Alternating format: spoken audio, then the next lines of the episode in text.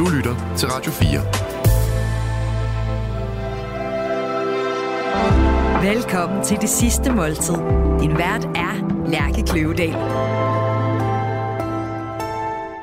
Rasmus Brun, journalist, radio- og podcastvært, skuespiller, komiker og satiriker. Velkommen til dit sidste måltid. Tak skal du have. Er det, er det allerede nu, jeg skal sige, om der er noget, der Ja, det, nu skal du sige, mit næste spørgsmål vil være, hvad siger du til de ord, jeg lige har sagt om dig? Jeg er ikke journalist. Er du ikke journalist? Nej, nej det er jeg ikke. Jamen prøv, okay.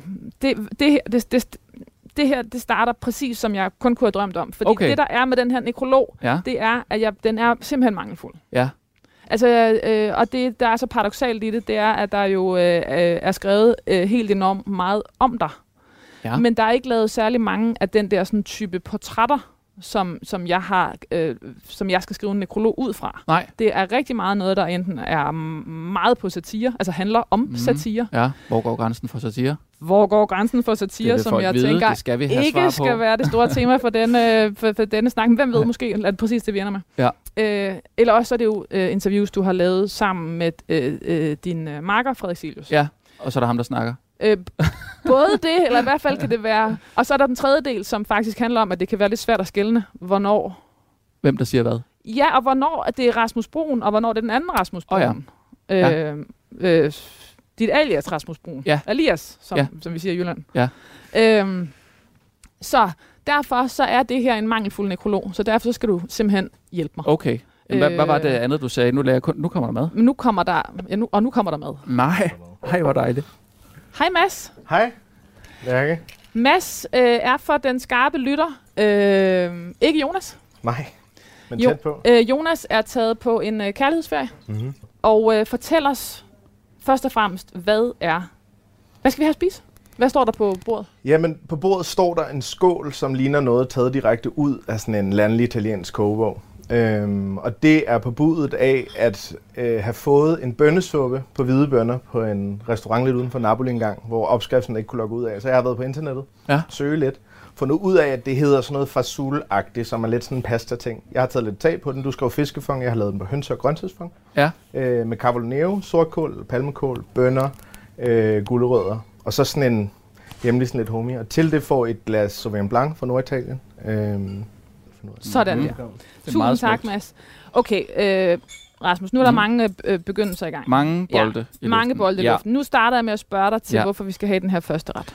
Øh, jamen, det hedder jo det sidste måltid, Ja. det her. Og øh, øh, den opgave, synes jeg simpelthen er for svær. Nej. Øh, så tænker jeg, jeg må bare vælge det, jeg lige har lyst til. Men øh, nu, nu står den foran mig, og den, øh, den ser helt fuldstændig forrygende ud. Og det, jeg, jeg elsker sådan nogle øh, bønnesupper. Jeg fik en i øh, lidt uden for Napoli på operarejsen Mm. øh, med Frederik Silius og Allan Gravgaard Madsen. Øh, som bare var, altså der var, den, var, den var spækket med øh, krydderurter. Men mm, jeg vil ikke spørge dig, om den smagte, som hun gjorde, for det gør den garanteret ikke. Men mm-hmm. smager den der? Det gør den. Ja. Godt. Ja. Okay, Rasmus, det vi kom fra, mm. øh, på trods af øh, enorme mængder af stof skrevet om dig, så var det faktisk svært at finde nogle øh, lidt mere rene portrætter øh, Ja. af dig. Og så kom vi helt tilbage til starten, som, som handler om, at det første ord, jeg gav dig, var journalist. Ja. Og det sagde du, det er du faktisk ikke. Nej, altså, men det er jo heller ikke en beskyttet titel, så... Øhm, Nej, men det er Ja. faktisk, det, det, jeg har brug for, at, at, eller det er godt, du siger det, fordi jeg har en linje her i senere nede i, øh, i nekrologen, som jeg faktisk ikke kunne finde ud af, hvor jeg skulle gøre af, fordi den ikke passede Mhm. mm-hmm. i øh, kronologien. ja, Der hed Rasmus Brun var uddannet journalist fra Danmarks Medie- og Journalisthøjskole nej, fra Kristi Dagblad. Nej, overhovedet ikke. Det ved Han jeg arbejdede blandt andet som redaktør på aftenshowet på DR. nej, nej, det er jo øh, min karakter, Rasmus Brun, der har arbejdet på aften. Allerede her. Ja. Så, så kan, du, kan du se balladen. Jeg det her, det. det står i et grav alvorligt medie Nå. med dit billede på. Det må jeg nok sige. Ja. Ja, Okay, nej, det er, er, jamen se nu der. Så, så får jeg lov til at slette den altså, først jeg, og jeg, fremmest. jeg, jeg, jeg er kommet ind på Journalisthøjskolen på et tidspunkt, Okay, men stoppede, øh, inden jeg nåede at gå i gang, okay. fordi jeg fik tilbudt noget på DR, som jeg vurderede, det ville jeg hellere. okay Så jeg der er kommet var, ind. Øh, men det var i, øh, i desperation, vil jeg sige. Okay. Radio og podcast, vært. Mm. Ja, Nå, det, det Ja. spørger du. Ja, yes, det er jeg. Skuespiller. Ja, Vil du tage den på dig? den vil jeg gerne tage på mig. Ja. Komiker og satiriker. Øhm, ja. Modtaget. Rasmus, jeg har skrevet tre bud Ja. på noget, der kunne være overskrifter til Mhm. mm-hmm. din øh, nekrolog. Mhm. Rubrikker. Spændende. Øh, den første, den, den, er, den lyder sådan her. Den 40-årige multikunstner elskede at lave komik, og han fik nærmest stresssymptomer, hvis han ikke morede sig. Rasmus Brun er død. Okay, ja. Ja, hvor skal vi starte? Altså, multikunstner. Ja. Øhm, det lyder lidt stort, synes jeg, umiddelbart. Mm. Ja, men Rasmus Ja. ja. Brun er død, det kan vi godt sige. Den, er- alt i den sætning, ud over alt det andet. Ja. Øhm, Nej, hvad var det andet så? Uh, multikunstner, den er måske... elskede at lave komik. jeg, jeg håber, jeg kan leve op til det øh, på et tidspunkt. Um, Men så står her her, og han fik nærmest stresssymptomer, hvis han ikke morede sig. ja, og det, det må jeg jo sige, det er, det, det er jo noget, jeg selv har udtalt, så det, det er spot on. Det er, okay. Ja. Ja. Øhm, og den, det, er en, øh, det, det er fra Se og Hør 2023. Ja. Øhm, Det, det pudsige er, lige efter jeg udtalte det der, så gik jeg ned med stress. okay.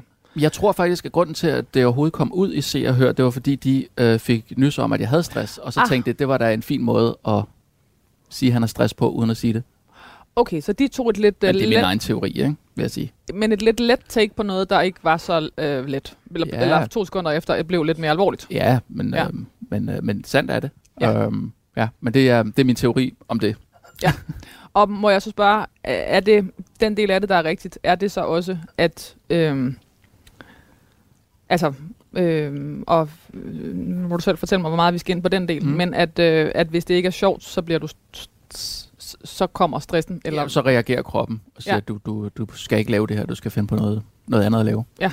Øhm, og det der, altså mit, min, min stressnedtur, den kom faktisk i forbindelse med noget, jeg virkelig havde glædet mig til at lave. Okay, en øh, sæson 2 af orkestret, Ja. som jeg virkelig havde, øh, havde set frem til, men også øh, gået til lidt for alvorligt, tror jeg. aha. Og jeg havde øh, altså gået og slået mig selv i hovedet over, at det skulle være, altså jeg skulle virkelig gøre det godt, og jeg skulle, øh, øh, jamen jeg ved ikke, hvad, hvad det var, jeg ligesom øh, tænkte, jeg skulle stræbe efter, men at, at jeg tænkte, det, nu skal jeg, nu skal jeg fandme vise folk, at jeg kan spille, ikke?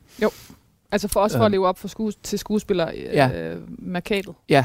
Markatet. Ja, fordi øh, altså, jeg er jo ikke uddannet skuespiller, så, øh, så det er jo sådan en, en måde. Altså hvis, hvis folk så siger, ej hvor er du god, mm. det er flot, så er man jo på en eller anden måde. Øh, Mm. så er man jo lykkedes med det, ikke? Jo. Øh, så det blev så alvorligt øh, for mig at gå og, øh, og forberede det, og jo mere jeg ligesom forberedte mig på det, det sværere blev det faktisk Mm. at, at tage ind og skulle bruge altså, en hel dag på at bare lære en scene, Mm. scenes replikker. Øhm, så jeg fik fjernet sådan alt lyst fra det. Øhm, og så øh, gik jeg ned øh, første uge inde i optagelserne. Øhm, så kunne jeg bare ikke mere, så kunne jeg simpelthen ikke øh, få ordene ud over min læber. Ja. Og det var det, der var dit symptom? Altså det var, at du øh, Jeg, jeg troede faktisk, at jeg var ved at blive dement. Ja. Øhm, Ja. For jeg kunne, jeg kunne fandme ikke huske øh, fra næste mund. Nej.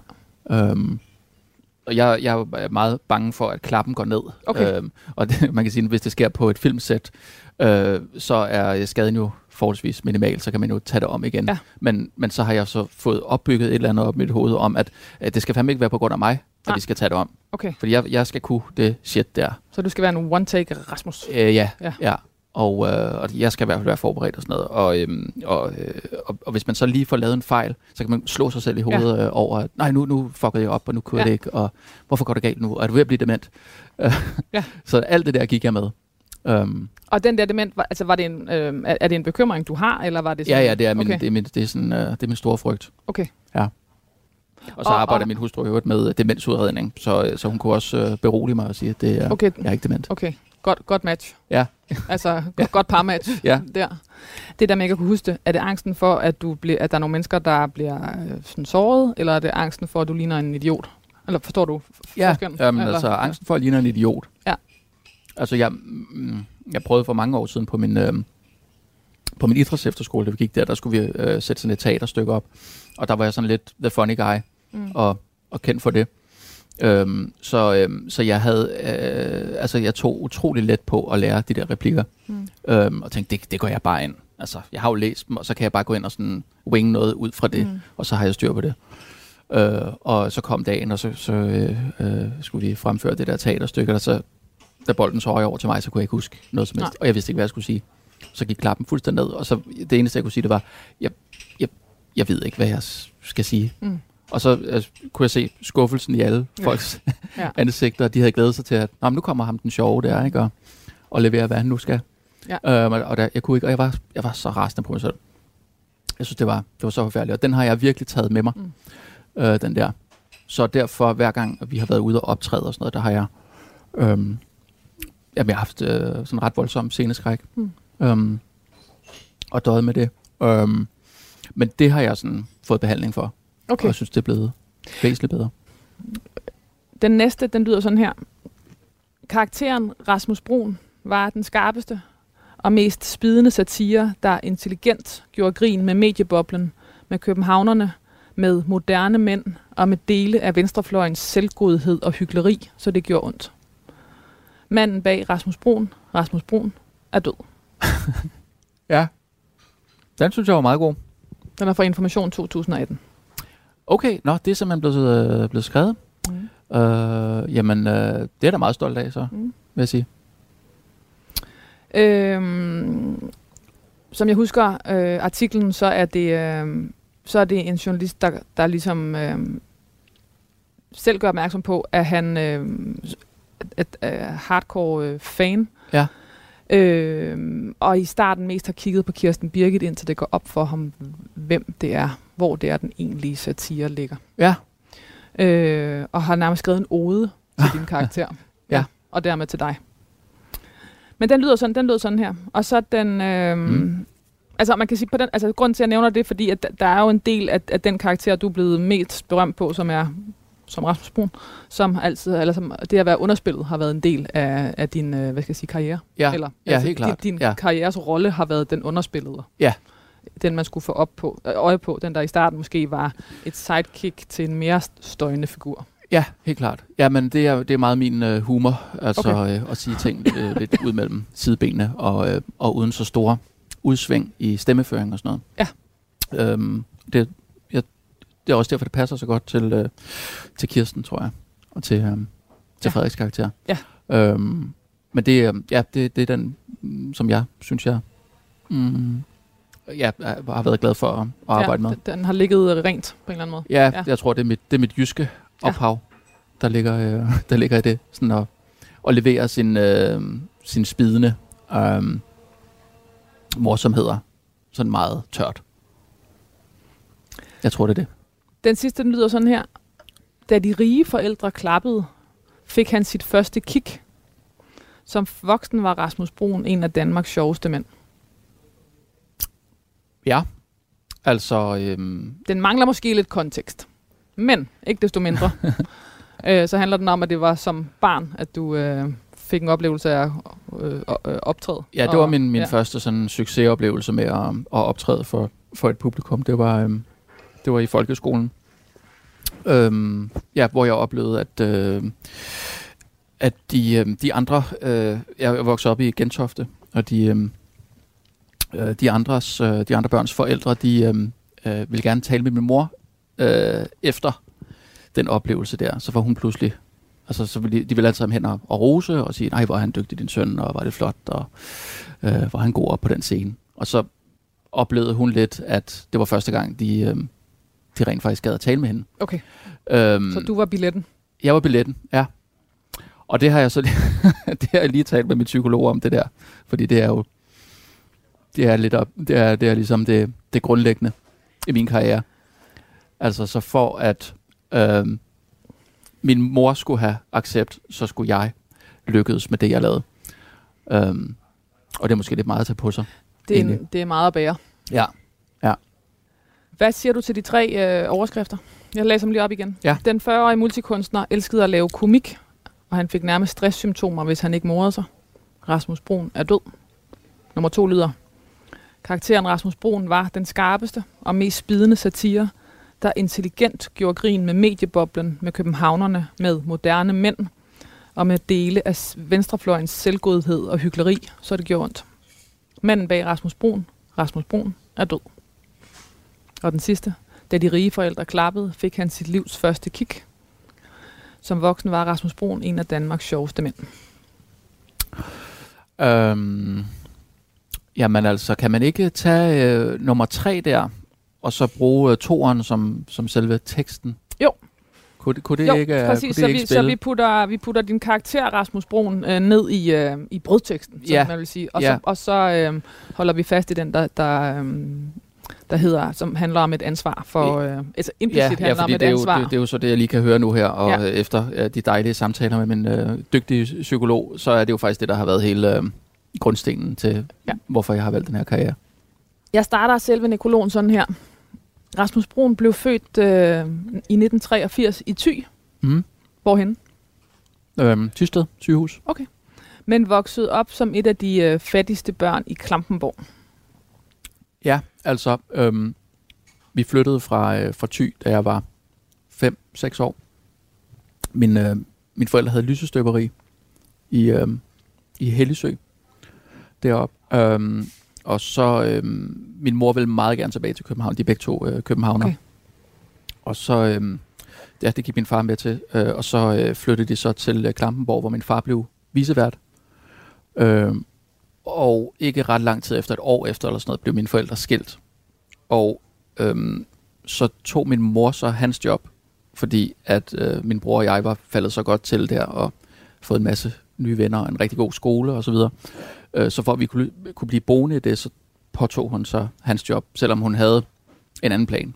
Altså hun ville have taget sådan en uddannelse og sådan noget. Hvad ville hun gerne have været? Øh, hun ville gerne have været øh, bibliotekar, Okay. øhm, og, men hun manglede lige en, øh, en HF først, som hun, øh, som var egentlig, det var det, der var meningen, hun skulle tage, da hun kom derover. Så, men den fik hun taget over, ja, jeg har lyst til at sige 20 år, øh, i stedet for. Og hun lykkedes med at blive øh, bibliotekar. Okay. Ja. Så det er i virkeligheden det, hun endte med at være? Eller, hvad? Ja, eller, det endte hun med at være. Ja, Eller, ja. hvad? Hun øh, fik lige slidt sig selv op som, øh, som visevært først. Der er noget, der går igen her. Jeg læser det op for dig. Mm. Rasmus Bruns forældre havde de første fem år af hans liv et lysestøberi i Thy. Øh, men da der ikke længere blev ved med at være efterspørgsel på gode håndlavede sterillys, fik faren i stedet for øh, job som visevært i de engelske rækkehuse i Klampenborg.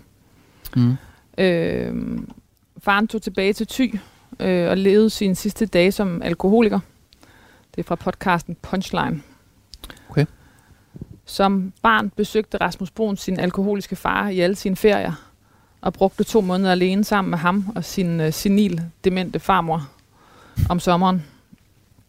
Det betød, at Rasmus Brun havde meget tid øh, i sin egen verden. Det stimulerede fantasien, men det var ikke det smarteste sted at befinde sig som barn, for der var ingen at tage sig af ham. Så måtte han i stedet finde sin egen lille verden og lege og være i. Det er også rigtigt. Der var også en øh, skizofren onkel, som også øh, var der. For Også i at- Ja, også i Thy, ja. ja. Okay, så senil dement farmor, alkoholisk øh, far og, og øh, skizofren onkel. ja. Det, var, øh, det kunne godt være underholdende. Det, det, kunne det blev det i hvert fald nødt til at ende med at være, ja. For at kunne være i det, kunne jeg forestille mig. Ja. Eller hvad? Øh, ja, og så øhm, øh, jeg var glad for sommerperioden, hvor der var Tour de France. Øh. Mm. Og gik der jo forholdsvis mange gode timer med det. Så kunne du være i det. Mm. Ja. Um, men jeg tror faktisk, det var på baggrund af, at det der, at min mor på et tidspunkt øh, sagde, jeg, øh, jeg, jeg ved ikke, om det var det der interview eller det andet, men hun havde læst et uh, interview med mig, Mm. og så hun så, Nå, men jeg kan forstå, at du har haft en, en forfærdelig barndom. Nå. Og så sagde jeg, ah ja, du ved ikke, altså, jeg har også haft det godt og sådan noget. Nej, nej, men altså, det, det, det, det dur da ikke, at du har haft det så dårligt. Det er da ikke, øh, det er da ikke så godt. Altså sådan lidt, lidt, lidt for sjov og lidt hånende. Altså, men øhm, altså på, på den der, for, altså det, det er aldrig for sent at få en dårlig barndom. Mm. Men jeg tror, den, altså, det begyndte at fylde mere for mig, da jeg blev ældre. Mm. Jeg ligesom så det med, med voksne øjne. Ja. Hvad det egentlig var for noget, jeg havde, øh, havde været i. Um, og jeg ved, at hun havde virkelig kæmpet og gjort mange ting for, at det skulle øh, Mm. falde så godt ud som overhovedet muligt. Men hun var ligesom også nødt til at, at give, mig, øh, give mig over til min far. Mm. Ikke at han har gjort mig noget overhovedet. Altså, mm. slet ikke. Men det var bare ikke et sted for et, øh, for et barn at, øh, at opholde sig. Vidste hun det godt? Ja, men jeg tror, hun havde dårlig samvittighed over, Ja. ja. at, at hun var nødt til at sende mig derop. Fordi det skulle man, når du skulle se din far. Ja, ja. ja. ja, han havde jo også ret til at se mig. Ikke? Ja. Øhm, men altså, nu om dagen havde man ikke gjort det. Nej. Det havde man ikke. Morens arbejde som visevært var langt væk fra de fine jobs, som kammeraternes forældre havde. Det var i 5. klasse til en premiereaften på skolens version af H.C. Andersens Fyrtåret, med en ung Rasmus Brun i hovedrollen, at kimen til hans komikkarriere blev lagt. på scenen i sit soldatertøj gik klappen ned fra Martin fra klassen, og han glemte sine replikker. Okay, der har jeg fået hængt Martin ud der. Men der er ikke noget efternavn. Martin can be anybody. Okay, ja. ja. Rasmus var på daværende tidspunkt ret besat af Charlie Chaplin, så han sprang hurtigt til og erstattede de manglende replikker med øh, noget improviseret fald på halen komik, og folk skreg af grin. Ja. Brun, Rasmus Brun huskede ikke, hvad han præcis sagde, men han huskede følelsen. Ja. Publikum, der på grund af hans indfald og uventede optræden var underholdt. Seancen varede højst nogle få sekunder, men for Rasmus Brun betød den oceaner. Især da hans mor senere fortalte om de andre forældres reaktioner. Mange af de andre børns forældre var kommet hen til hende efter forestillingen og havde sagt, sikke en talentfuld og sjov dreng du har. Rasmus Brun huskede det som et stolt øjeblik. Med sin sjove optræden havde han på den måde været med til at flytte familien fra at være en nytilkommen middelklassefamilie til at blive godkendt af Klampenborg-borgerne. Mm. Jeg vil så gerne lige tilføje, det gi- det giver en ny dimension til den der historie, at øh, det, var til, det var til premieren med forældrene. Mm. Men dagen efter, da det kun var øh, eleverne fra skolen, der blev jeg syg. Øh, altså, Hvad betyder det? At, at jeg, øh, jeg, jeg, jeg, jeg var for nervøs til det. Så jeg kunne ikke, øh, Okay, jeg kunne ikke gøre det. okay. Så jeg, jeg blev syg. Og har et, har et hul her, men måske gør det ikke så meget. Har Mhm. stået Rasmus Bruns karriere startede øh, efter en semi-dårlig HF. Øh, det, er, et- det er et citat, det er noget, du selv har sagt. Mm. Mm. Med optagelse på DR's talenthold. Og blev et... Øh, Nå, Alright. Kommer jeg forstyrre igen? ja, tak. det er der ikke at forstyrre. Det vil jeg... Det, Jo, men forstyrrelse kan være okay. ja, det er rigtigt. Ja, det er selvfølgelig. Ja. Okay, hvad skal vi have her, Mads? Godt. Vi skal have stegt pikvar. Noget mindre specifikt ønske, men det er jo meget dejligt, fordi så kan man få lov til at lave mad. Så du får lov Og til det at er jo derfor, jamme. jeg har taget den Ja. her uddannelse. ja. øhm, så skinstegt pikvar øh, med porre, stegte porre, og så sådan en lidt syrlig muslingesauce. Øhm, det er egentlig meget klassisk. Den her fede fisk kan godt lide at have noget syre, sådan, til det der ret bombastiske udtryk, pikvaren er havets konge, synes jeg er ret fantastisk. Mm-hmm. Kartofler og par i glasset, øh, hvid bourgogne, Sangiovese, øh, Chardonnay. Sådan lidt friskere, ikke helt så fed, den har noget fedme, men sådan en grøn æble, som også skærer meget godt sådan ind igennem det her sådan lidt fede univers, vi har prøvet at bygge op. Tak. Velbekomme. Tusind tak for det fede Tak. univers, du har Selv prøvet at tak. bygge op. Wow. Hvorfor skal vi have pikvar? Havets konge. Ja, hvorfor skal vi egentlig det? Måske bare fordi det er havets konge. Øh, nu var det det sidste måltid. Jeg synes, det må godt være lidt uh, bombastisk, hvis det skal være uh, fisk, og det er det sidste måltid. Ikke? Ja. Øhm, jeg tror, det var det, jeg tænkte. Altså, men jeg kunne også have taget alle de mulige dejlige uh, skalddyr. Ja. Det, uh, elsker, elsker fisk og skalddyr, så det... Uh, Og laver, og laver selv mad. Altså- øh, ja, ja, ja. Øhm, efter endt forløb på øh, talentholdet, Tak.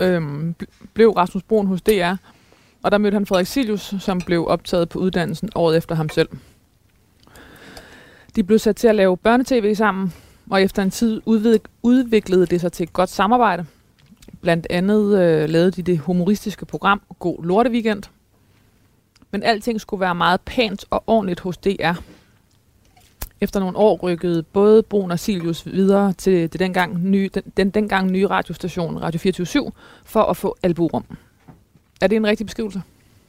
Er det, rigt, er det de rigtige ord, der er sat på det? Mm, ja, det er, altså, det er sådan the gist of it. Jeg Ja, lige. Um, Brun og Silius fortsatte samarbejdet og øh, lavede korte sommerudsendelser på øh, Radio 24 men blev men mest kendt blev makkerparet for det daglige nyhedssatire-program Den Korte Radioavis.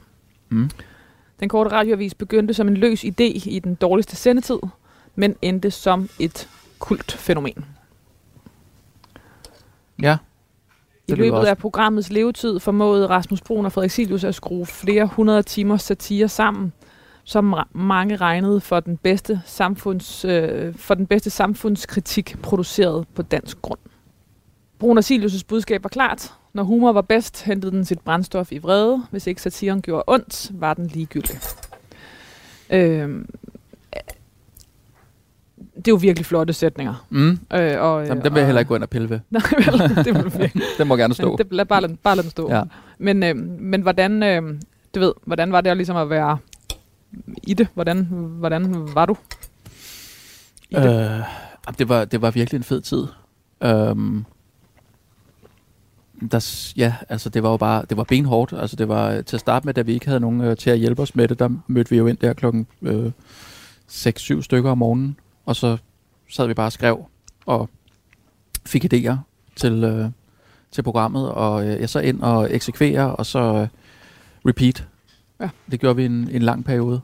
Øh, det var mega hårdt, men også virkelig, virkelig sjovt Hvad og var der det var sjove? så mange, øh, øh, øh, altså, der var så mange virkelig gode kræfter inde på 24-7, som alle sammen ville det her. Mm. Øhm, blandt andet, altså Mads og Michael, øhm, som vi har haft et virkelig godt samarbejde med, og stadig har. Øhm, så vi har, ja, altså, det var bare et virkelig godt sted at blive inspireret, og følte, at det var der, der skete. Altså, der var ikke et bedre sted at være i mediebranchen på det tidspunkt. Og der øh. var, og der var albuerum og ikke Ja. fokusgruppe. Helt øh, vildt. Alt og- kunne lade sig gøre. Og der var så kort tid fra, eller kort vej fra, fra tanke til handling. Meget tilfredsstillende. Men også virkelig hårdt. Ja. Øhm, der var ikke plads til så meget andet. Nej. Så efterhånden kom der også et, et, øh, et publikum til, som forventede noget. Ikke? Mm. Og de forventede også, at det øh, var på et vist niveau. Så det lagde der et pres. Mm. Altså, og jeg har jo også, øh, altså øh, min, mine to første børns øh, fødsler har jeg jo dårligt været til.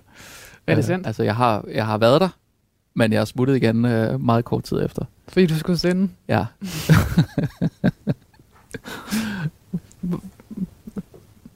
ja, det må man ikke. Jo, jeg, jo, jo, nej, jeg, Du jeg, ser jeg, helt- Mit, øh, nej, det er bare fordi, at det er sådan, der, er der er en grund til, at du siger det. Ja. Altså, du ved, du kunne også lade være med at sige det, eller du ved, altså, Ja. er, Ja, du, men er det- du det skamfuld er- over det, eller er det, Øhm, nej, fordi øh, det var jeg ikke på det øh, tidspunkt. Der mm. så Mm. jeg det som en nødvendighed. Ja. Men, men jeg, jeg havde en, en samtale med Michael her øh, for nylig, øh, under mit øh, stressforløb, hvor han sagde, det var jo også fuldstændig sindssygt, at du, at du ikke fik holdt fri der. Altså, det, det, det skulle du have gjort. Ja. Du skulle have, have været der meget mere, men, men det var bare, øh, det var slet ikke, det var slet ikke inden for min begrebsverden at, at skulle, øh, ikke at skulle sende. Har det haft en regning, eller har det ligesom været, har det, er det Nej, det et synes okay jeg ikke. Nej, okay, det synes jeg ikke. Nej, jeg er en meget nærværende far i dag. Ja. Og har et dejligt forhold til alle mine børn.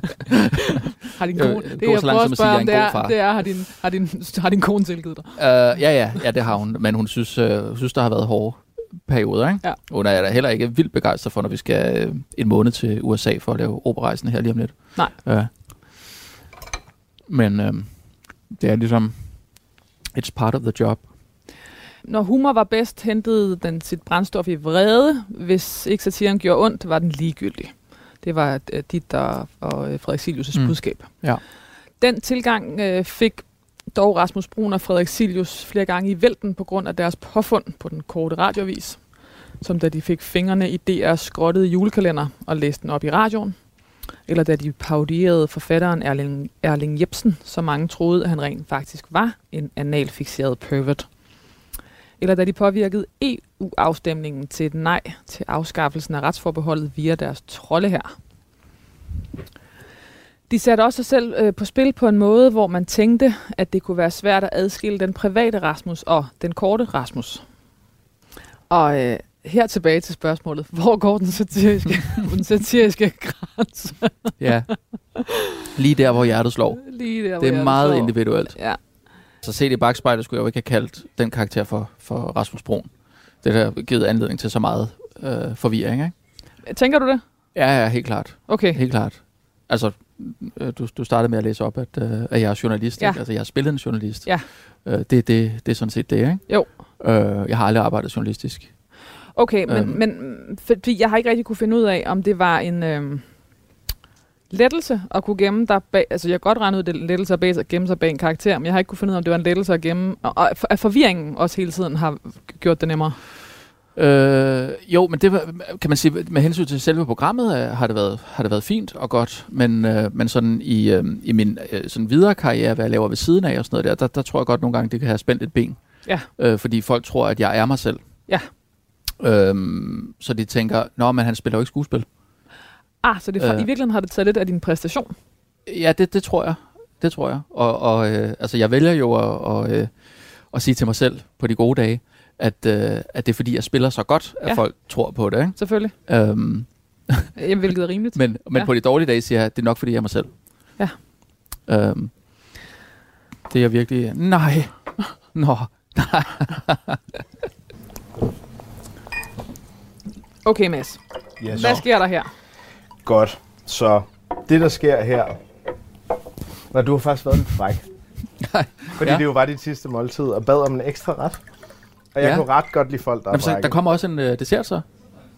Ja, ja. Nej, okay. får det hele. Nej, hvor dejligt. selvfølgelig fuld plade. Wow. Øhm, og du sendte mig i byen, ned til din ostemand, går jeg ud fra. Ja. Øh, han kendte i hvert fald øh, godt dig. Nå. Og jeg tror måske, jeg blev taget lidt ved næsen øh, af ham. Jeg kan jo rigtig godt lide sådan nogle købmænd, sådan nogle lidt krammer. Men ikke desto mindre. Så sådan her starter vi med en øh, delice, eller fleur de sel, som er en fransk, øh, frisk forost, øh, hvidskimmel fra de Sevres. Mm. Kom til, 36 måneder fra Jura. Og så en blå ost, som faktisk er den bedste blå ost, jeg har smagt rigtig, rigtig længe. Øh, som er norsk. Nå. Øh, og lavet på en blanding af komælk og fløde. Nå. Pasteuriseret, men jeg synes, den er fuldstændig Men fantastisk. så kan den da ikke være for min ostemand. Jo. Le fromagerie? Mm. Nå, jeg tror kun, de havde franske oste. Til det øh, bad du jo om biska kiksene. Ja. Øh, fordi der var ligesom tilhørsforhold til, og det kender jeg rigtig godt. Det jeg har fundet ud af, er, at biska er simpelthen gået øh, ud af produktion. Kiks til ost. Så jeg har været Det forklarer en del. ostebutikker rundt for ligesom at prøve Ah, men at sammensætte den her pakken, som jeg husker den. Og jeg gjorde lidt en ting ud af at gøre det for erindring. Og det var noget med, at det gik fra salt til rigtig tørt. Og så blev Ja. det ligesom bare tørre hele vejen rundt. Ja, ja. Marie Kiks, var den der? Ja. Jeg ved det, ja, jo, det jo, tror jeg. jo, jo. Var den det? Ja.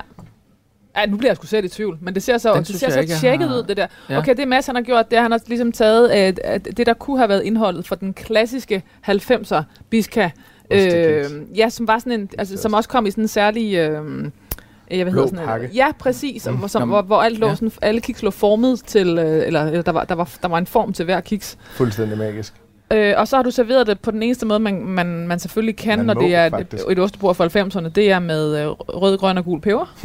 og så er det med nogle øh, garanterede øh, pivsure, øh, grønne øh, øh, vindruer, og så en familien øh, rød drue. Præcis. Og, og som også ser lidt træt ud. Det er det. Ja, det er perfekt. Og så har jeg taget mit med hjemmefra, som er finer fra sidste år og finer fra i år, fra mine forældres træ på Samsø. Sådan lidt romtoft Nej, stop. gemt i sprut. Det er jeg Øh, meget glad for. Altså, jeg, jeg vil sige, at peber og vindruer, det vil jeg jo aldrig røre ved et, ved et ostebord. Men Nej. jeg synes, det, det hører sig til, til, er til det. 80'er Meget. øh, Det var øh, æstetikken. der. Ja. Men jeg er vild. Jeg elsker finer. Dejligt. Så du har Marie Kiks, du har Digestive, så har du en lille rokiks, så har du en tuk, og så har du øh, hvad, en Bornholmsk... Øh, Ja, det er Bornholmsk ro, ja. ja. og den er, altså sådan, det er noget af det tørreste, jeg har oplevet i mit liv. Det er ret fantastisk. Den, den smuldrer i flere lag, det er den skal. Fuldstændig. Ja, præcis. Fuldstændig. Velkommen. Tak. Og hvorfor har du en yndlings... Øh, øh, eller hvorfor har du en... Øh, du, øh, du spiser simpelthen så meget ost, du har en, en favorit ostemand. Jeg, jeg vil sige, jeg spiser jo ikke meget ost, men når jeg gør, så, så spiser jeg meget ost. Knivskarpt. øh, jeg, er, jamen, jeg elsker ost, og jeg kunne spise det hver dag, hele tiden. Øh, og derfor gør jeg det ikke, okay, fordi så kan jeg ikke styre det. okay. Så jeg er nødt til at spise det i meget afmålte mængder. Øhm, okay, jeg kom fra det der med, at... Øh, eller vi kom fra det der med, at... Øh, at, at det var bøvlet, og altså, at, at, at når man nu sidder her på den sidste dag, så var det måske øh, ikke verdens bedste idé, at Rasmus Brun skulle hedde, øh, Rasmus Bruns karakter Oh, ja. skulle Det hedde er virkelig flot, du kan huske det der. Jeg, jeg har allerede... Ja. Ja, men det er fordi, jeg, jeg synes, det har... Um, Altså, der har faktisk ikke været, re- der har ikke været så meget anerkendelse i selve øh, i, øh, i det arbejde, du lagde. ja, og det er jo um, forfærdeligt at sige, at jeg har haft det og har det sådan. Men det føler jeg jo lidt, at, øhm, at det er Frederik, der har fået øh, al hederen og æren og anerkendelsen for det. Øhm, der var nogle dejlige citater der fra, fra nogle øh, opmærksomme journalister, men langt størstedelen af, af gangene, hvor vi øh, optræder sammen og er sammen og sådan noget, der er det. Øh, og det er det, det refererer til. Det, øh, altså efterhånden er det jo blevet øh, øh, Frederik. Øh, det lyder ligesom noget, Frederik Silius øh, har fundet på i den korte eller et eller andet. Ikke? Mm. Så jeg er sådan ligesom blevet udfaset lidt af den korte. Og det er jo, øh, det er jo ikke så rart, når man føler, at man har skabt et, et værk sammen. Ikke? Øhm, så hvis jeg bare havde kaldt mig selv noget andet, så, så, så havde jeg kunne være en karakter. Ikke? Jo. Øhm, Er det sårende? ja, det synes jeg. Mm. Det synes jeg. Øhm, fordi det er ligesom, det er, det er, det er, øh, det er en ud af ti, der, be, der bemærker øh, min indsats i det. Mm. Og folk ved heller ikke, hvad vi har siddet og diskuteret og haft af idéer, og hvem der har fundet på hvad og sådan noget. Øhm, de, de, de hører jo Frederik sige det, som Kirsten Birgit. Ergo må det være Frederik, der har fundet på det hele. Ikke? Jo. Øhm, så det synes jeg har været hårdt. Øhm, og det var også en, altså, øh, det var også en del af det der stressforløb der. At jeg simpelthen blev, jeg blev øh, overvældet over, hvor lidt kontrol jeg havde med, øh, med historien Mm. om, øh, om den korte og, og vores markerskab og sådan noget. Øhm, fordi vi, altså, det første show, vi lavede, handlede jo om, at, at Frederik fik alt øh, opmærksomheden og alt anerkendelsen. Og jeg stod ved siden af og råbte op og sagde, Frederik, du må også lige sørge for at få mig med her, og husk lige at, at nævne mig, og, øh, og øh, jeg vil også ses. Ikke? Og det er jo en øh, altså meget, meget, øh, meget øm situation. Det er meget øh, øh, lidet flatterende Mm. øh, og, og vil have anerkendelse. Ikke? Mm. Så derfor er det ikke noget, jeg... Øh, altså, jeg skilter ikke med det normalt, og jeg vil helst ikke... Det er jo igen den her setting her, noget god mad og vin og sådan noget der, så kan jeg godt fortælle om det, og jeg synes også, man skal være ærlig. Øhm, men øhm, øhm, men øh, det gør skide ondt, Mm. ikke at få øh, anerkendelsen i, i et fælles projekt. Det er jo at blive underkendt i noget, man har øh, øh, skabt. Altså noget, Ja. man har... Øh, Ja. ja. ved, og og, og det, det kan jo hedde alt muligt forskelligt. Det kan jo hedde, at man... Altså, du ved, gennem tiden, at man ikke fik nok royalties, eller man ikke fik nok, man ikke var pl- pl- på plakaten, eller Ja. man ikke fik altså, Ja. kroner og øre, eller, altså, det hedder jo alt muligt, men det er jo den samme følelse. Ja, ja. Øhm, at at man, man, man, man ikke fik det, man øh, burde. Det er jo det, øh, ja, og jeg, jeg, som jeg også jeg, jeg har sagt det tidligere også, men altså, det, det er jo ikke nogen skam at stå i skyggen af et stort træ, Mm. Øh, for Frederik er virkelig talentfuld på virkelig mange parametre, Mm. og jeg, altså, øh, jeg har kun ros til overs for ham, og jeg, jeg vil ikke kunne have lavet Kirsten Birgit og alt det der. Mm. Øhm, og, og, øh, øh, så det blev også ligesom en fortælling om det, at det er ikke nogen skam at stå i skyggen af et stort træ, men på et tidspunkt opdagede jeg så også, at øh, det kan godt være, det ikke er nogen skam, men du udtør også lidt Mm. ved at gøre det. Ikke? Ja. Og så, Ja, så fordi, glemte jeg ja. lidt, at jeg selv skulle have styr på nogle, øh, nogle ting i min karriere, for ligesom at, at komme videre og udvikle mig selv. Ikke? Jeg, øh, når det er ham, folk henvender sig til øh, med øh, altså, øh, øh, roller eller jobtilbud eller alt muligt, så er det øh, øh, altså, så er det jo på baggrund af det, vi har skabt Mm. sammen. Øh, og selvfølgelig øh, kan folk også have øje for de øh, øh, øh, enorm, enorme kvaliteter, han har. Øh, men jeg har helt klart set mig meget, eller føler meget overset i det der. Og så er det svært ved at sige det højt. Ja, fordi så synes jeg, at jeg synes, det er ynkeligt. Mm. Jeg synes, det er... Altså, at det er jo den side af mig selv, jeg mindst kan lide, at jeg har brug for at få anerkendelsen. Mm. For jeg vil helst være fuldstændig Mm. hævet over det. Det er jeg også på papiret, men Mm. jeg kan mærke, at kroppen øh, er uenig. Og så står, øh, så står din mor igen og siger, Nå, du havde en dårlig barndom. Min mor var meget optaget af, at, at, at, Frederik fik meget mere opmærksomhed, end, øh, end jeg gjorde. Hun sagde, hvorfor, hvorfor kan de ikke se, at du også spiller? Kan de ikke se, at du også gør det? Og kan de, ved de ikke, at du også har skrevet det? Og, og sådan noget. Og da ja. hun levede, der sagde jeg til hende, prøv at høre, det, det, er jo, det er jo sådan, det fungerer. Og det er ham, der står i front, så er det ham, der får opmærksomheden. Mm. Sådan er det. Øhm, men altså, hun havde ret i forhold til, at, at hun, hun kendte nok min, min psyke på det punkt. Hun vidste, at det, det må have gjort ondt. Der er jo ikke nogen, der gider at høre på, et, øh, på en, der, der sidder og ynker. Mm. Øh, og det er, også, det er jo det, jeg siger. Jeg, jeg, jeg, jeg, det, er jo, det er jo et element i mig selv, som jeg virkelig ikke bryder mig om. Men hvad gør du ved den, for den, har jo, det jo, ikke- den, har, den, øh, den tager jo ikke fejl. Øhm, mm, nej, men jeg tror, jeg prøver at, hvad kan man sige, øh, opløse egoet. Altså, lad være med at, at, at gå op i det. Og hvorfor har jeg brug for, at folk ser det? Altså, hvad er årsagen til det? Fordi vi, øh, jeg har jo gang i masser af spændende ting og øh, alle mulige projekter, som jeg er øh, øh, lykkelig over at lave. Øh, så jeg har jo ikke brug for, altså jeg har jo ikke, der er jo ikke noget, det giver mig jo ikke andet end at, Øh, altså der, der, er jo ikke, øh, man kan sige, der er ikke noget i mit liv, jeg vil have det bedre med, eller jeg vil komme et andet sted hen over, øh, hvis jeg fik et klap på, på hovedet. Forstår du, hvad jeg mener? Mm. Øhm, altså det er sådan en, det, det er jo en, en ego-ting.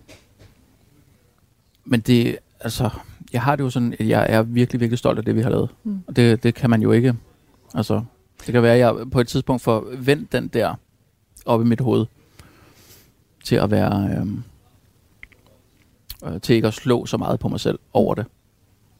Men jeg tror ikke, det kommer sådan lige øh, fra den ene dag til den anden. Men altså, mm, altså helt hardcore lige for også at blive formatet her. Mm. Hvis det var i dag, ville, det, ville der så være en sætning, der hed, Rasmus Brun blev ikke anerkendt for det, øh, han havde lavet på den korte radiovis?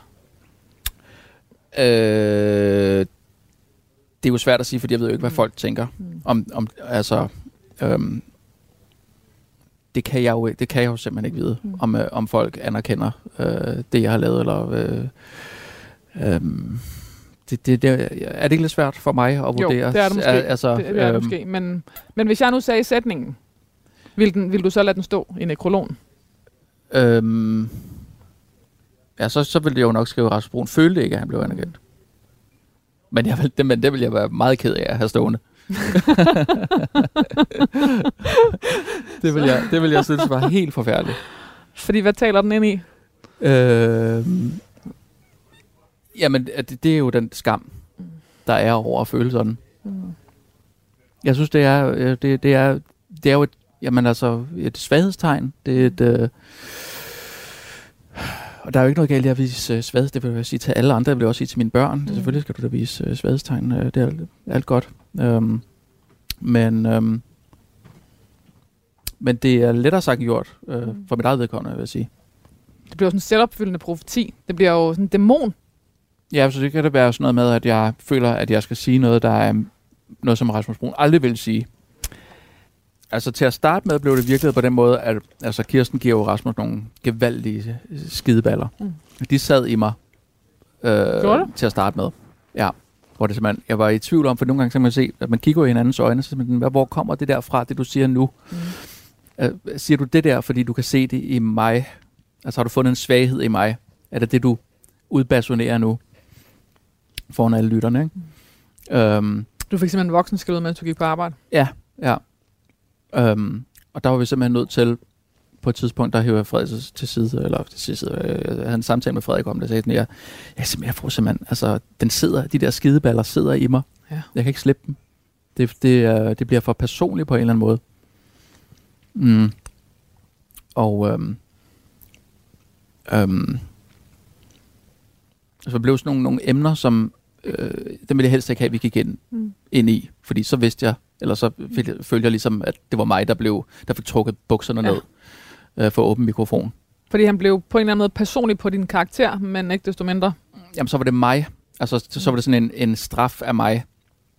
Ja. Øh, øh, hvordan skal man sige det? Men det var som om, at han afslørede mig, og ikke Rasmus Broen, karakteren. Øhm, sådan følte jeg det nogle gange. Øhm, så vi havde sådan en, en snak om, at der var nogle emner, så der blev det simpelthen for personligt. Men ellers så kunne han gå til mig med hvad som helst. Ikke? Mm. Øhm, men vi har et emne, det er matematik. Okay. Øhm, det, det øhm, fordi jeg øh, er jo øh, nok det, man kalder talblind, eller du er der. Ja, jeg er der.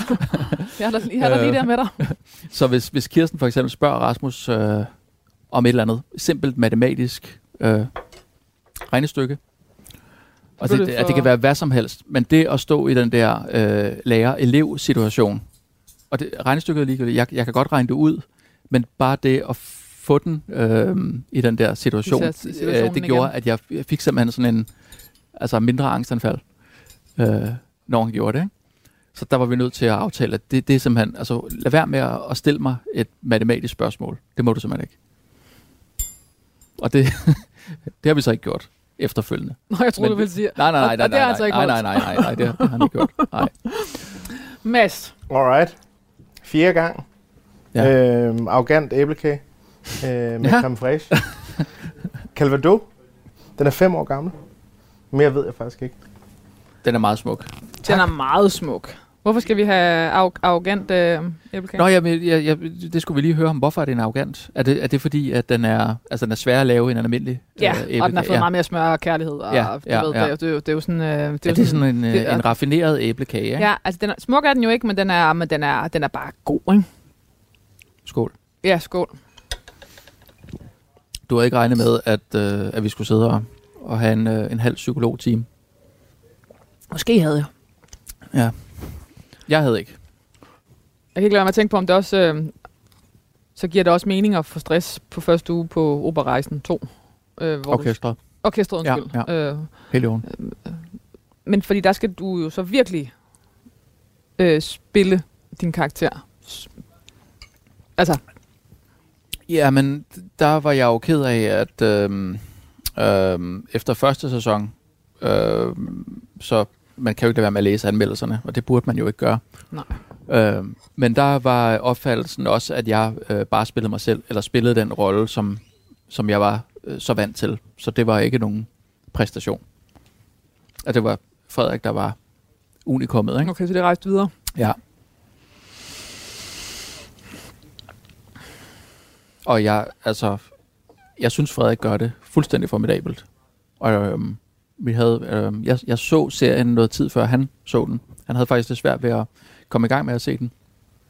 Øh, og jeg skal ikke kunne sige af hvilken årsag, men han havde bare ikke lyst til at, at se det. Og da jeg så det, der var det sådan, altså han, han, for mig, der skinnede han også vildt igennem. Jeg synes virkelig, han var god. Så sagde, prøv at høre, Frederik, du skal se den der. Du gør det formidabelt. Jeg synes, du er, du er, du er stjernen her, i den her. Øhm, jeg synes, han spiller bedre, end jeg gør i den der. Man tænker, at det ligger langt væk fra Frederik, at være den der karakter, og tæt på mig. Mm. Øh, men man giver, jo, man giver jo noget af sig selv i alle roller, og man prøver jo at give så meget som muligt i alle roller. Øh, og jo mere du giver, øh, des mere ægte skulle det gerne øh, fremstå. Ikke? Mm. Øhm, så igen, som jeg siger, på de gode dage, der tænker jeg, det er fordi, at, at jeg giver alle de dårlige sider af mig selv. Al, al den ømhed og øh, alle fejlene. Det er det, jeg viser. Jeg viser min egen fejl. Ikke? Jeg viser min egen kiksethed. Mm. Um, så på den måde kan man jo godt sige, at jeg spiller mig selv. Men det synes jeg jo, man skal som skuespiller, mindre du skal spille, øh, jeg ved det ikke, Two-Face. Frederik Silius løb i sin højrøstede rolle som Kirsten Birgit ofte med det meste af opmærksomheden. Mens Rasmus Brun spillede rollen som Vogue nyhedsredaktør, der delte navn med ham selv, med sig selv.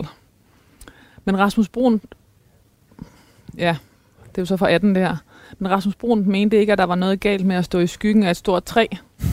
Ja. Alligevel var det ikke sjovt at føle sig uinteressant.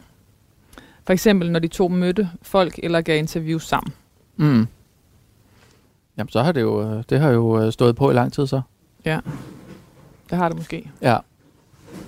Men jeg tror netop, at, øh, at det show, vi lavede der, det var jo også, altså, det var jo, øh, historien var jo mere min, end den var, end den var Frederiks. Det var jo øh, meget, meget personligt. Ja.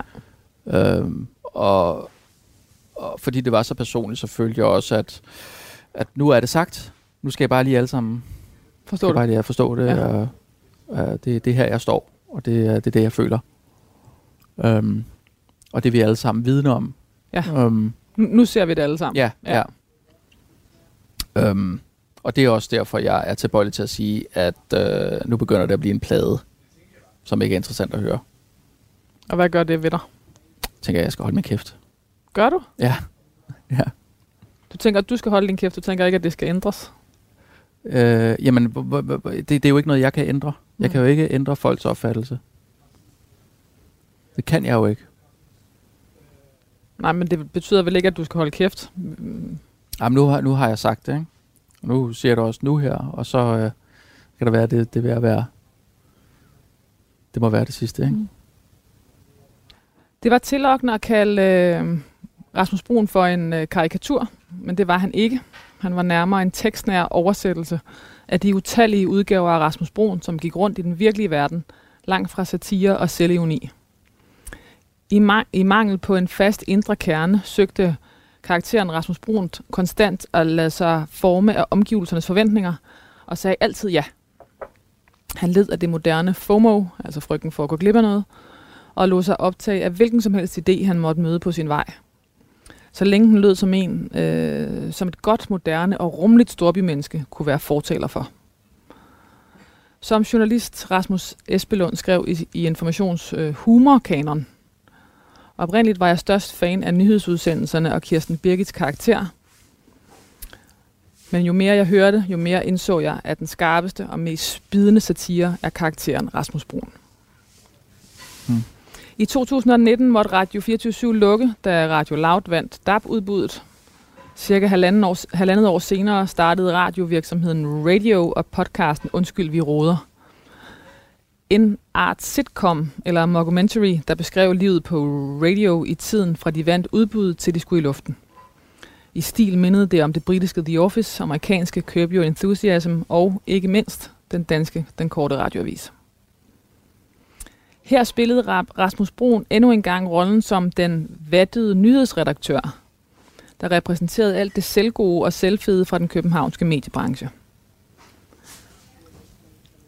Og her bliver det lidt rodet for mig. Den virkelige Rasmus Broen var i midlertid radios nyhedschef, og med sin erfaring som redaktør på Radio 24 var han vant til at være under massivt pres hele tiden. Både fra Den politisk... virkelige? Ja. Nå. Hvem skriver det? Det skriver øh, Euroman 2021. Nå. Du, du, hjælp mig med at rydde op. Er du den, er du, er du den øh, radio, øh, radio, radios nyhedschef? Nej, karakteren Rasmus Broen er lydchef på radio. Se nu her. Jeg er medejer af radio. Altså den Rasmus Broen, du sidder og taler med nu. Er øh, dig. dig. Dig, der kommer fra Thy. Ja. Født i Thy. Yes. Ja. Okay. Det, ja, det er jo utroligt, den her kunne, øh, de plejer ellers at være... Hans altså, ambitioner for radio var i flyvehøjde. Han drømte om, at de blev førende på lyd i hele Danmark. Det er også for Euroman. Gud. Shit, mand. Forvirringen er total. Ja. Der, noget må ryddes op, Rasmus Brun. Ja. Den virkelige Jamen, Rasmus jeg skal, have, jeg skal have en eller anden uh, Wikipedia-mand uh, til at sidde... Uh. De kan også lige starte med at banke på hos Christi Dagblad. ja. ja. Lad os sige, at dette i hvert fald var øh, et, øh, en meget klar opsummering af, at, at Rasmus Brun-karakteren øh, kan være svært skældende fra den fiktive, eller den rigtige Rasmus Brun-karakter kan være svært skældende fra den fiktive. Ja, Ja, og det må jeg, være rodet at være i lige meget. Øh, ja, men jeg, jeg, jeg, ja, lad os øh, håbe, at det her kan være startskud til, at øh, der bliver ryddet op. Og jeg kan jo også godt høre, at jeg også selv skal rydde op. Mentalt. Helt klart. Nu er vi tilbage til at se og høre. Mm. Rasmus Brun var en travl mand med mange kasketter på. Han var både skuespiller, satiriker, radiostemmer og alt muligt andet. I sommeren 2023 var han netop blevet færdig med optagelserne til operarejsen Akt 2, han havde lige spillet med i DR's Troldehjertets, hem- Troldehjertets Hemmelighed, der havde premiere i påsken. Han skulle til at i gang med optagelserne til orkestret sæson 2, og samtidig med alt det var han sammen med resten af radio, øh, radioholdet i gang med at opbygge Danmarks førende kommercielle taleradio. Det var vigtigt for Rasmus Brun at lave sjove ting. Derfor var det ikke tilfældigt, hvilken kasket han tog på. Selvom Rasmus Bruns hoved nogle gange kunne mene, at en arbejdsopgave var en god idé, så kunne hans krop reagere helt anderledes. Rasmus Brun kunne ikke lave noget, hvis han ikke syntes, det var sjovt. Arbejdet kørte på samme måde, som da han var barn. Han fandt en leg, som han syntes var sjov, og legede den, indtil den ikke var sjov længere, og fandt så på en ny leg. Ja, det er spot on. Det er meget rigtigt. Det er jeg meget stolt af. Og det, der er en øh, rød tråd. Ja. ja. Ja, jeg, jeg synes, jeg har taget mit, øh, mit voksenliv øh, med videre fra barndom. Det er der mange, der ikke gør. Rasmus Brun efterlader sin hustru, Bodil. Brun Holm, Homburg. Jeg siger det, fordi hun er, en del af et... Hun findes derude. Ja. Og deres tre døtre. Ja. Æret være hans minde. Ja. Og så skal vi i gang med at at spille musik? Nej, jeg tror mere, jeg tænker, øh, hvordan du gerne vil huskes.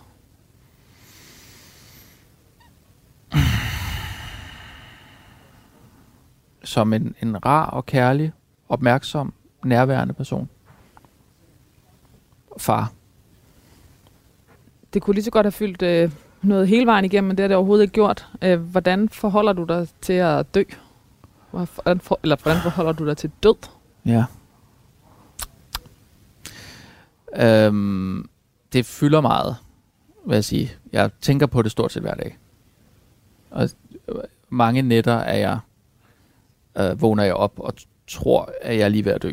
Og, og begynder at fantasere om, hvad der, altså, hvordan, hvordan bliver næste morgen, hvis, jeg, hvis de finder mig død i sengen og sådan noget. Øh, så på den måde fylder død ret meget for mig. Men egentlig er jeg ikke sådan bange for at dø. Jeg er sådan semi-religiøs, Okay. øh, kan man sige. Ikke sådan kristen troende, men, øh, men jeg tror på et, et øh, evigt liv, eller på reinkarnation og, og sådan noget. Gør du? Ja, ja, ja, det gør jeg. Ja.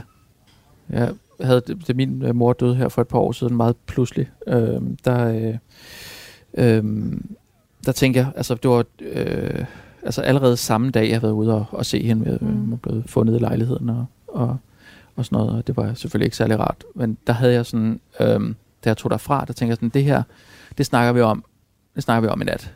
Ja. Så den, den tager vi lige, øh, Mm. så får jeg lige øh, sagt ordentligt farvel til hende, ikke? Og der var øh, alle mulige ting, man mangler at sige, Ja. ikke? Øhm, øhm, og så havde jeg sådan en, en, en klar opfattelse af, øh, kan jeg huske, at jeg kom hjem i min lejlighed og tænker, nu åbner jeg døren her, og så er hun der. Mm. Altså, Ja. en version af hende. Ja. Og så åbner døren, og så var hun der ikke.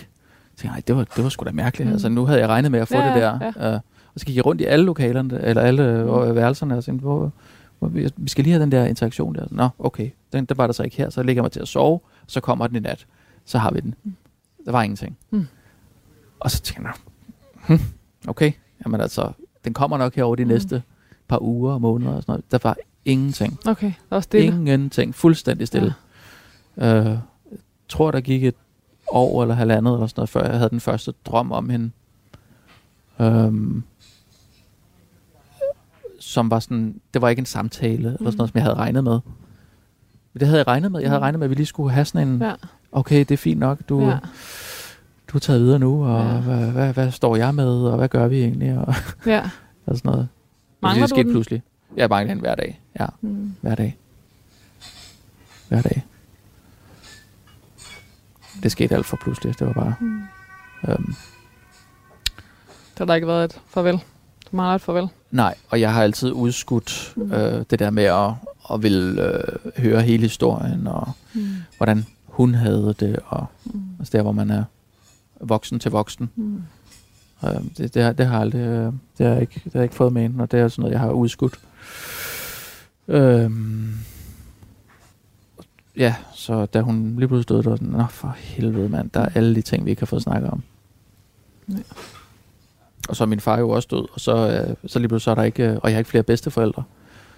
Så sidder jeg fandme længst fra bordenden lige pludselig. Mm. Det prikker til noget dødsangst. Yes. Rasmus Brun, hvad skal der stå på din øh, gravsten? Gud er kærlighed, og et nogenlunde fast tilknyttet job i mediebranchen. Den første var så smuk, den anden var så... det er faktisk, jeg, jeg har modereret det lidt, fordi jeg, jeg øh, tidligere øh, har, øh, har sagt, at der skulle stå øh, Gud er kærlighed og et fast job i mediebranchen. Men jeg har fundet ud af, at øh, Nogenlunde måtte ej, det, må ikke, det må ikke være for fast. Det skal bare være sådan, man skal bare have en let tilknytning i mediebranchen, så kan det ikke blive meget bedre. Er nogen stadig lige kender, kender dig, når du, når du ringer på? Hvad siger du? Er nogen stadig lige kender dit navn, når du ringer på? Ja, Øh, det er en let tilknytning. Øh, ja, ja, men altså, at man sådan kan, kan, kan komme igennem med, med, Ja. med det, man øh, brænder for. Rasmus Brun. Mm. tusind tak, for du vil være min gæst i det sidste måltid. Selv tak. Det var en fornøjelse. Du lytter til det sidste måltid på Radio 4. Det sidste måltid, det er Jonas Frank. Han er vores kok. Kasper Risgaard er vores klipper og producer. Agnete Slitkrole tager alle billederne til programmet. Anna Paludan Møller laver researchen. Michelle Mølgaard, hun er vores redaktør på Radio 4. Jeg er din vært. Jeg hedder Lærke Kløvedal, og jeg har fundet på programmet. Tusind tak, fordi du lytter med. Du har fået til job at synge kor for ABBA. Jamen, jeg var ikke simpelthen klar over, det var sindssygt det egentlig var. Det var jeg jo ikke. Jeg var jo bare ni år og glad i låget. Musik er en hurtig genvej ind bag facaden. Jeg følte jo, at alle de sange var til mig. Ind bag den offentlige person. Jeg kiggede ind i et mørke. Det er jo der, jeg skal hen. Det er jo der, alt trøst er. I Portrætalbum bruger Anders Bøtter musikken til at vise nye sider af sine gæster. Carmen Køllers uh, Axel Byvang, har han en playlist? Jeg ved ikke, om jeg tør sige det. Det er så pinligt. Blandt andet Backstreet Boys. Lyt til Portrætalbum i Radio 4's app, eller der, hvor du lytter til podcast. Radio 4. Hold kæft, mand. Det turde Ulla Terkelsen ikke, det der. Ikke så forudsigeligt.